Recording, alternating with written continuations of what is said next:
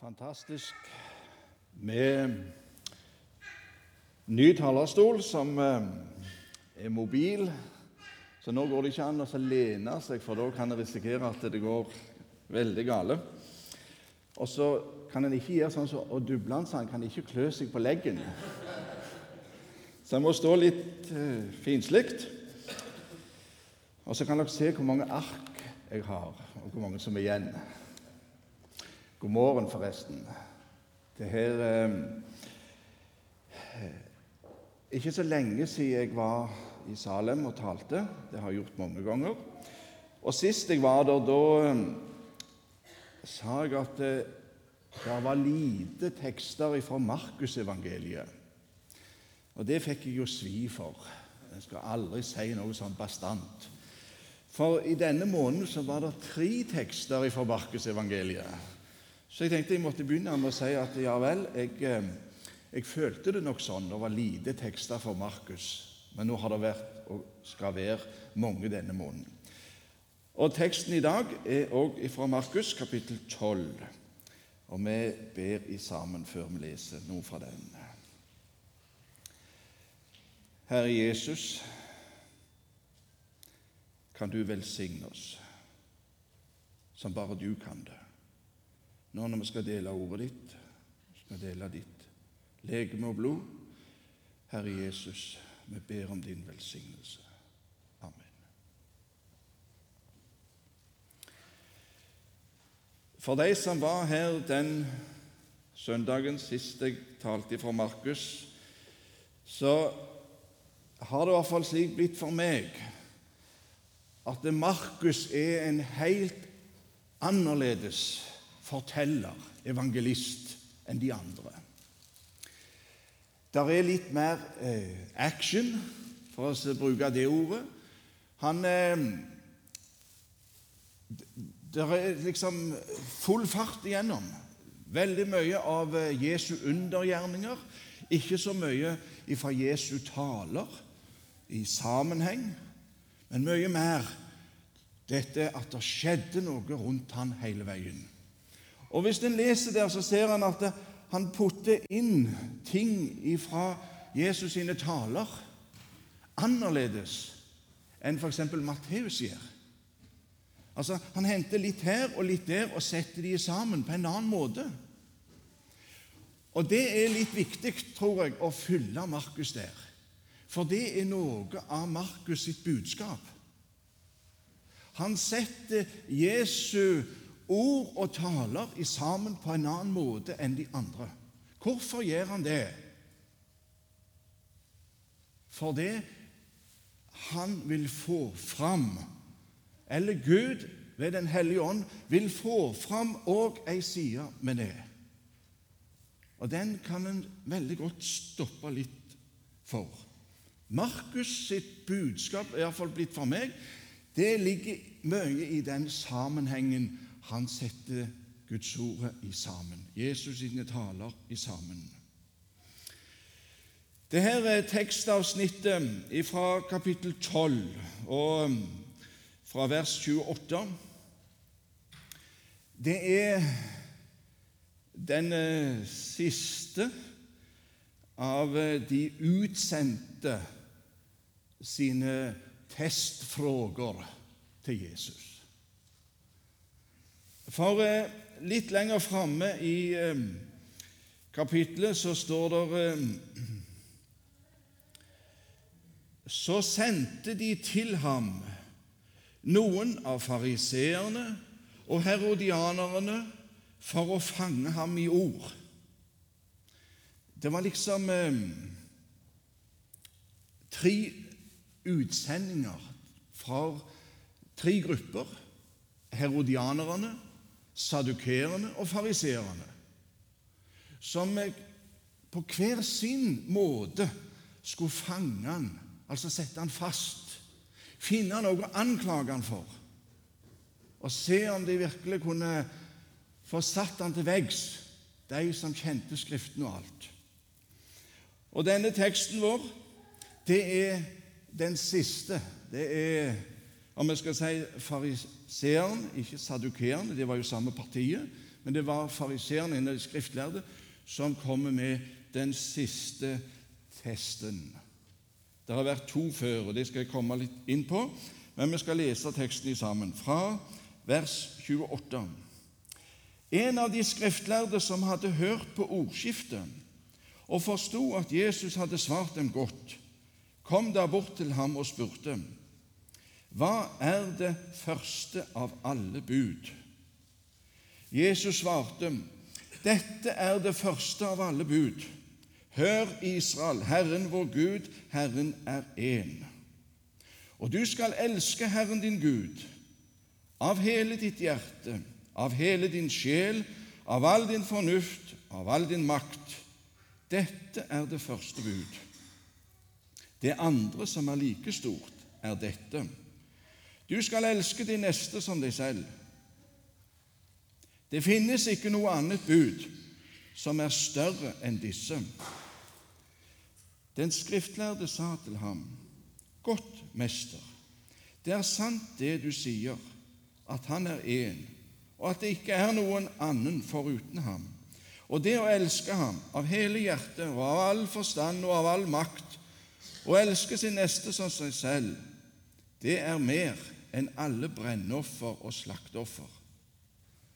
Da Jesus så at han svarte forstandig, sa han til ham, Du er ikke langt borte fra Guds rike.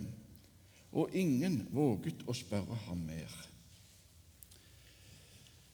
Det var den eh, siste av disse som har vært framme med sine, om jeg skal kalle det, testfrågor, for å om mulig sette han fast.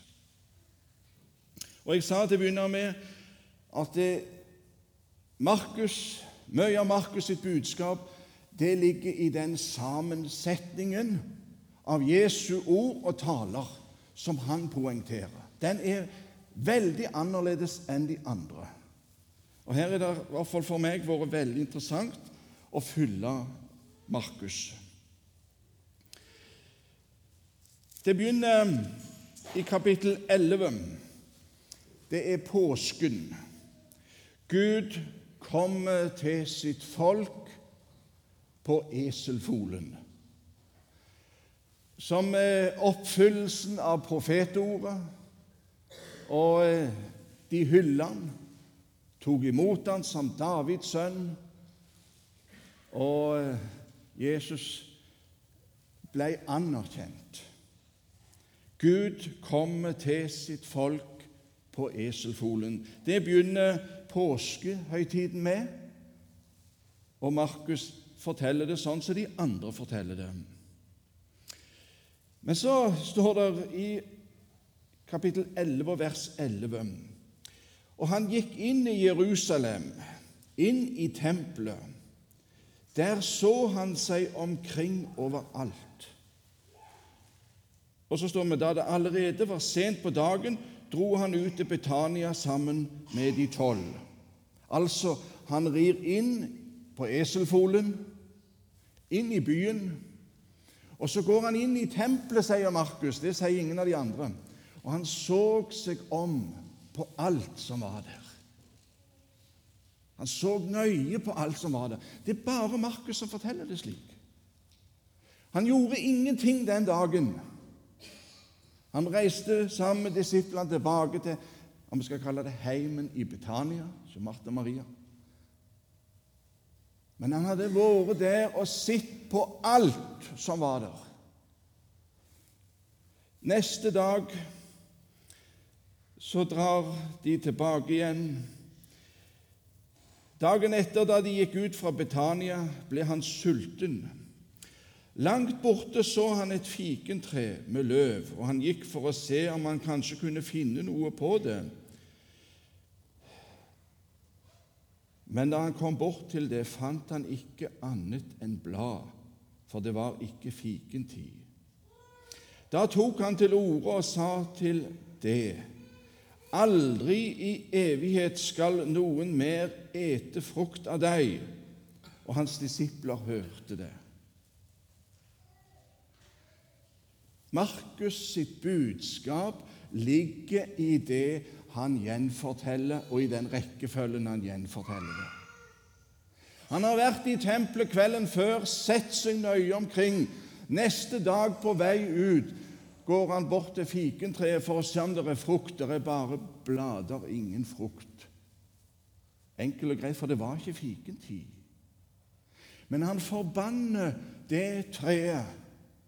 Og der står det det visna fra rota og opp. Der ligger der om vi skal si et skjult budskap. Hva skjer videre? Jo, han drar inn i tempelet, og der blir det oppstandelse. Han velter duekremmernes spor, jager pengevekslerne, tillater ingen å, å bære varer fram og tilbake i tempelet. De andre forteller han knytta seg ei svepe og, og jakte ut. Det var ikke en sånn mild irettesettelse. Det ble ja, vi skal si full oppstandelse inne i tempelet. Ser du? Forbanne fikentreet. Rense tempelet. Og så kommer kapittel 12. Og nå, for, nå kommer Jesus med svaret på profeten Jesaja kapittel 5. I dag skal jeg tale så kort at jeg tror jeg skal ta tid til å lese det der i profeten Jesaja kapittel 5. Jeg vil synge om min elskede, synge min venn sang om hans vingård. Min venn hadde en vingård på en fruktbar haug. Han gravde den om, renset den for stein, plantet edle vintrær i den. Han bygde et vakttårn midt i den, og han bygde også ut en, hogde også ut en vinpers i den. Og han ventet at den skulle bære gode druer, men den bar ville. Og nå, dere Jerusalems innbyggere og Judas menn, døm mellom meg og min vingård. Hva var det mer å gjøre med min vingård som jeg ikke alt hadde gjort med den? Hvorfor bar den ville druer når jeg ventet at den skulle bære gode? Så vil jeg nå la dere vite hva jeg vil gjøre med min vingård. Jeg vil ta bort gjerdet, så den blir avgnagd. Jeg vil rive ned muren, så den blir nedtråkket. Og jeg vil la den ligge øde. Den skal ikke skjæres og ikke hakkes. Men tårn og tistel skal skyte opp. Jeg vil befale skyene at de ikke skal la det regne på den. For Herren, herskarenes Guds vingård, er Israels hus, og Judas menn er hans kjæreste planting. Kapittel 5, profeten Jesaja. Denne vingården som Gud har gjort alt for at det skulle være god frukt som skulle komme over den, den svarte ikke til forventningene. Og vingården, det er Israels hus og Judas menn. Kapittel 12 i Markus. Først det som har skjedd, som jeg har fortalt. Og så kommer lignelsen, eller svaret på profeten Jesaja. Om eh, Han gjentar det som profeten sier om vingården.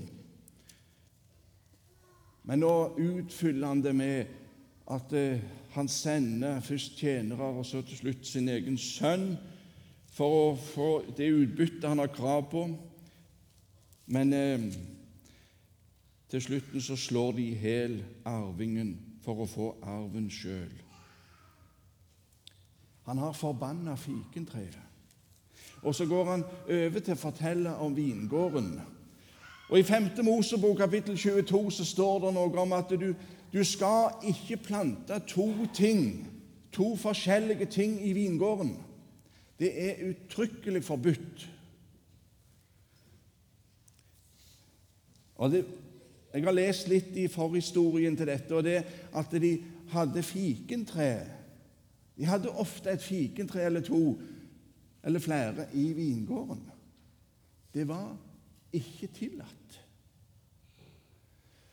Det ligger noe Markus vil ha fram, som han plukker helt ut av sammenhengen som de andre har satt inn i. Der er noe her som vokser, som ikke skal være der. Og det bærer ikke noe frukt. Og den vingården dere skjøtter, den har dere ikke skjøtta slik som dere skulle.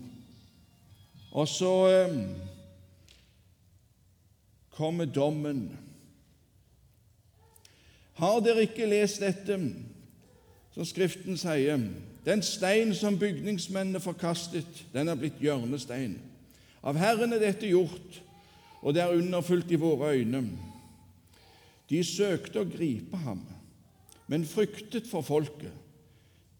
Og så kommer det De skjønte nemlig at det var dem han hadde talt om i lignelsen, og de forlot ham og gikk bort. Så sendte de til ham noen av fariseerne og herodianerne. Ser du bakgrunnen? De var ikke i tvil om hva Jesus sa med sine lignelser. Jeg har talt om dere, som er Israels hus og Judas menn, som er mine vingårdsvoktere, som har et fikentre som ikke har noe her å gjøre. Og Markus har skjønt det og setter dette sammen. Fikentreet ble forbanna. Når de kom forbi det neste dag, så var det visna ifra rota av og opp og undra seg over dette. Men de var ikke i tvil om det er oss det er oss han har talt om. De skjønte det. Og nå vil de ikke bøye seg for det han har talt, men istedenfor så vil vi prøve å sette han fast, fange han i ord. Og han som kommer fra herodianerpartiet, han sier, 'Mester, vi vet at du er sannferdig.'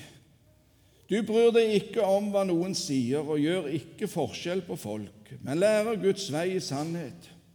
Si oss er det tillatt å gi keiseren skatt eller ikke? Skal vi betale eller ikke betale? Det var herodianernes testfrågan.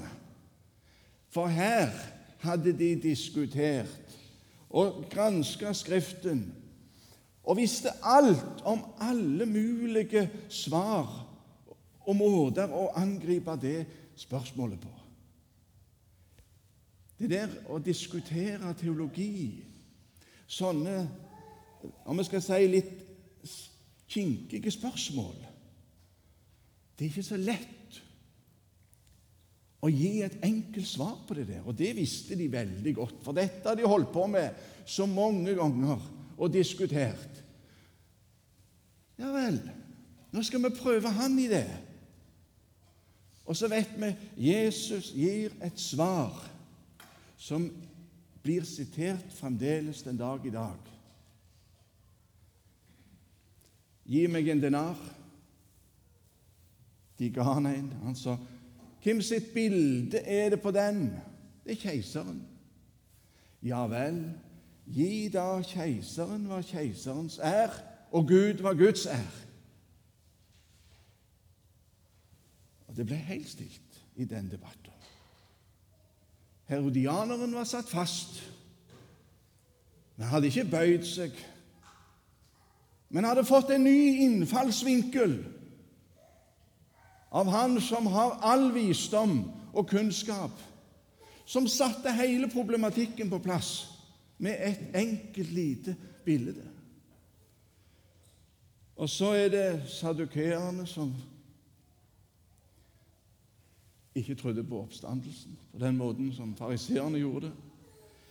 Og så har de sin testfrågan om denne her mannen som hadde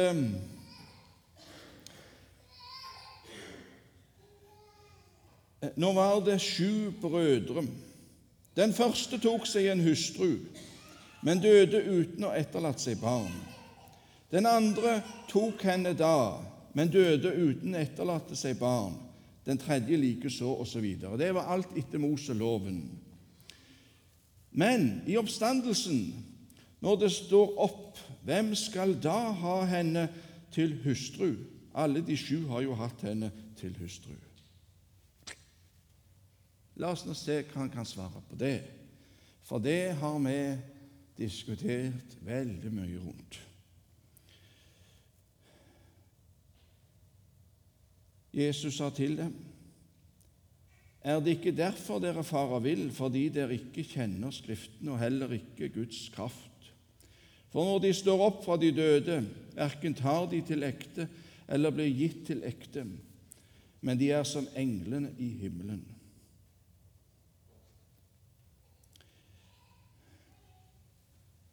Det kjenner ikke Skriftene, derfor farer dere vill. Dere diskuterer på et feil grunnlag. Og så kommer teksten. Dette var innledningen. og Derfor skal preika heretter bli veldig kort. For jeg, jeg sier det, og jeg mener det. Det ligger så mye i måten Markus setter ting i sammen på. For nå kommer det en fra de skriftlærde, fariseerpartiet, og så sier han og, forsto at Jesus hadde svart de godt.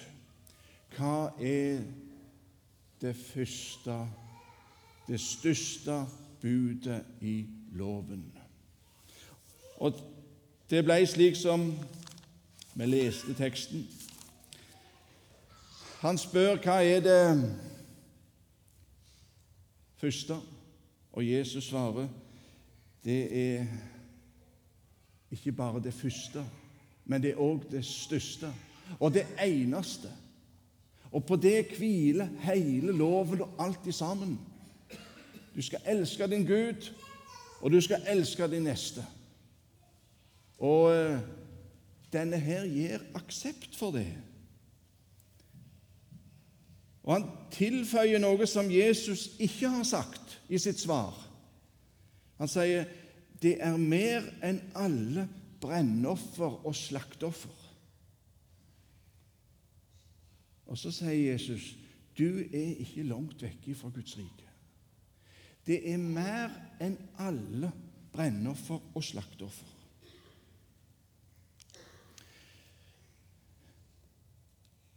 Jeg vil påstå, og har god dekning for det,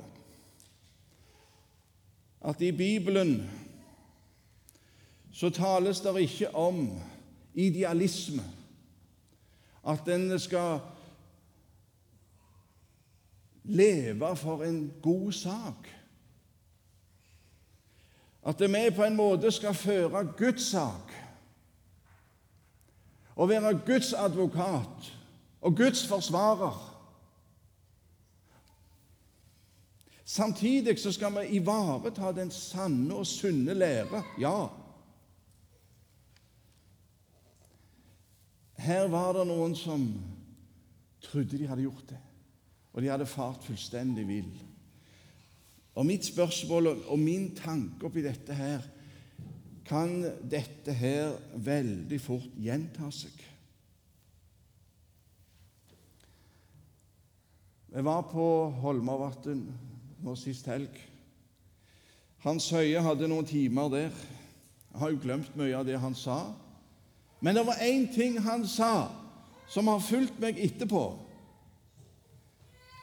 Og han sa det, og det hadde blitt til stor hjelp for han i livet når han prøvde med sin makt og med sin idealisme å gjøre det som egentlig var Guds gjerning,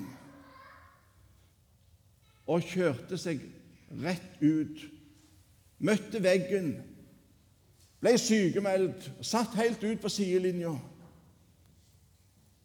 og ble sittende igjen bare med én ting Ditt er riket. Ditt er riket. Hva er vår test, frågan? Hva er det vi kan alt om? har diskutert alle eventualiteter om, og kjenner fullt ut sikkert mange ting. Og om jeg nå hadde stått i IMI på deres talerstol, eller i Karisma på deres talerstol, eller i kirke, eller hvor som er, så kunne jeg sagt akkurat det samme. For det er det vi lettest blir opptatt av. Det var en som sådde ugras i ågeren, fortelles det i Matteus 13. Og disiplene så det som vokste opp, det var ikke rett, og så spør de «Eh, Mester, skal vi ta en runde og luke og ordne opp i dette her? Nei, da kommer bare til å gjøre noe galt. Det her har en fiende gjort, har planta inn noe. Det var noe Herren forbanna, sier Markus, og det var noe han forventa. Det er en planting her som ikke skal være der. Og det er en vingård som ikke har blitt skjøtta rett. Hva skal vi da gjøre? Hvor skal vi da begynne henne? Og Derfor har det der som Hans Høie fortalte Ditt er rike. Det er ikke en sånn passiv. Men det er da er jeg Jesu Kristi tjener, Jesu Kristi trell. Det er så veldig fort gjort å føre Guds sak med våre metoder og tanker i beste velgåenhet og beste mening, så blir det feil. For ditt er riket. Og midt inni alt dette her så kommer det plutselig noe fra bergpreika, som du vet Matteus har i kapittel 5, 6 og 7. Her tar Markus plutselig bitte litt av det og sette inn midt i denne her, om vi skal kalle det domsforkynnelsen.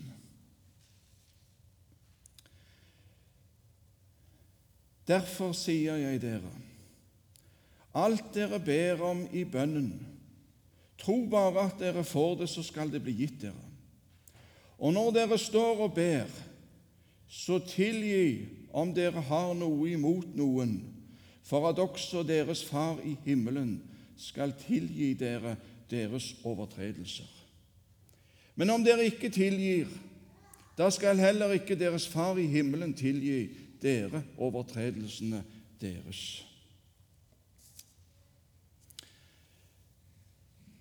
Når dere står og ber, tilgi da. Ditt er riket. Forlat oss vår skyld, som vi òg forlater våre skyldnere.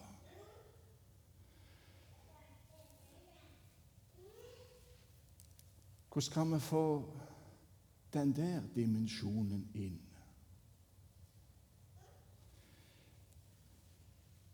Hvor, hvor, hvor, passer den inn i dette? her? For, for her er det snakk om oppgjør og sette fast. Og så kommer Jesus plutselig med Ja, ditt er riket. Når dere står og ber, så tilgi da hverandre. Du er ikke langt borte fra Guds rike, sa han til denne. Han bøyde seg ikke for noe som helst. Han hadde kommet så nær, men likevel ikke nær nok.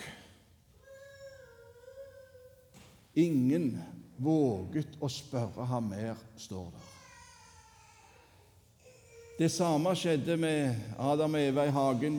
Når Gud kom nær, så gikk de og gjemte seg. For deres gjerninger var vonde, sier Johannes i begynnelsen av sitt kapittel. Ingen våget å spørre ham mer. Og Nå er, du inne på, eller nå er jeg inne på det som jeg egentlig hadde lyst til å si i denne talen. Så alt det andre jeg har sagt nå, det var bare for å bygge opp til dette. Det å tilgi, det er vår sak. Når dere ber, så tilgi da hverandre. Nå skal vi snart gå over og feire nattverd. Hva er nattverden for noe? Det er å bli tilgitt. Det er til syndenes forlatelse. Det er til å bli tilgitt. Når dere ber, da tilgi hverandre. Og Jeg satt og tenkte på dette her. Jo, jeg har noen slike som jeg må tilgi, som er veldig vanskelig, for de har gjort meg urett. Og jeg vet det var urett. Det er ikke bare at jeg har misforstått det. Og det er noe av det som plager meg. Når jeg ser det mennesket, når jeg hører om det mennesket, til og med når jeg kjører gjennom den bygda som det mennesket bor i. Eller når jeg hører noen si det navnet, så minner det meg noe om det mennesket har gjort meg urett.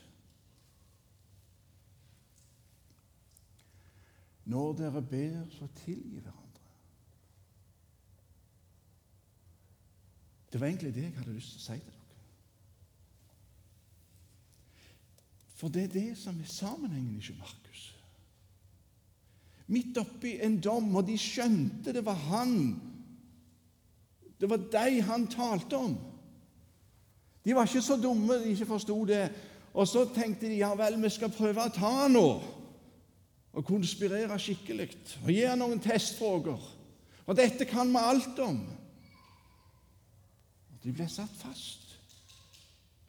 Og i og med at de ble satt fast, så ble de òg rykka så nær inntil Gud at jeg visste jeg har med Gud å gjøre. Men gjerningene mine er vonde, derfor går jeg inn i mørket og skjuler meg enda en gang. Da tilgi hverandre. For det er det som er kjærlighet. Det er å tilgi. Og det er det som slipper bitterhet og hat og de båndene som dette har på meg. Skal det fylle meg hele livet? Eller skal de båndene bli brutt med at jeg tilgir og blir tilgitt?